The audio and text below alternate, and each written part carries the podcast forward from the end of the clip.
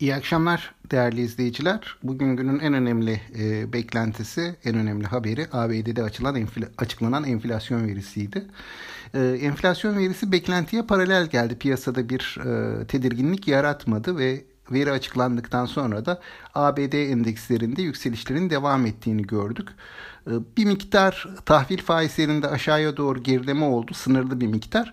E, yine ABD tarafında endeksleri sürükleyen hisse senetleri bankacılık grubu, enerji grubu ve e, genelde işte e, kamusal hizmetlere dönük şirketlerin hisselerinde görüldü.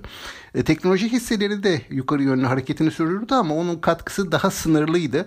Yani dolayısıyla e, piyasalar şu son iki günlük hareketin ardından bu yeni e, faiz seviyelerini sindirmiş görünüyor.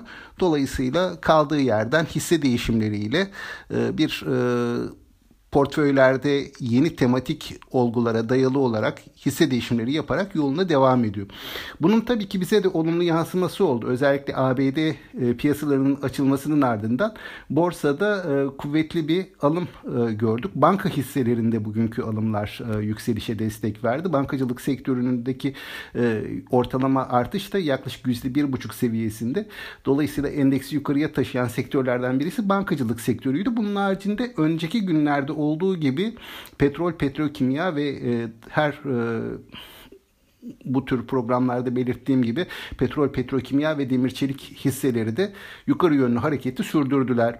Ve endeks günü yaklaşık 1565 puan seviyesinden kapattı BIST 100 olarak. Şimdi bu seviyeden sonrası endeks açısından önemli çünkü bu en yüksek üçüncü kapanış seviyesi borsanın. E, zirve seviyelerine de çok yakınız. Yani önümüzdeki günlerde bu seviyelerin aşılıp aşılmayacağını piyasa e, merakla bekliyor.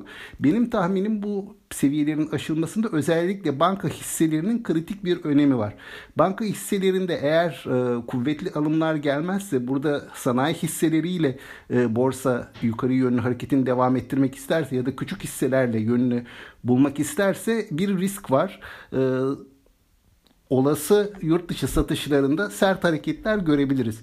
Ama e, bu aşamadan sonra uzunca bir süredir gördüğümüz yabancı satışları bir miktar hafiflerse ve bankalarda yükselişe katılırsa endeksin yukarı yönlü hareketini sürdürebileceğini düşünüyorum. O açıdan haftanın geri kalanında hem yurt dışı piyasaları izleyeceğiz hem de endeks içerisinde e, yatırımcıların hangi hisse senetlerinde alım satım yaptığını özellikle de banka hisselerine e, girip girmediklerine bakacağız. Bu bence önem taşıyor. E, benim tahminim yarın eğer yurt dışı tarafta bugün iyi bir kapanış yaparsa yine güne olumlu başlarız ama gün içerisinde yurt dışından gelecek haberleri bekleriz diye düşünüyorum. Bugünün ardından görebildiklerim bunlar. İyi akşamlar diliyorum. Sağlıklı, bol bereketli, kazançlı günler dilerim. Yarın yeniden görüşmek üzere.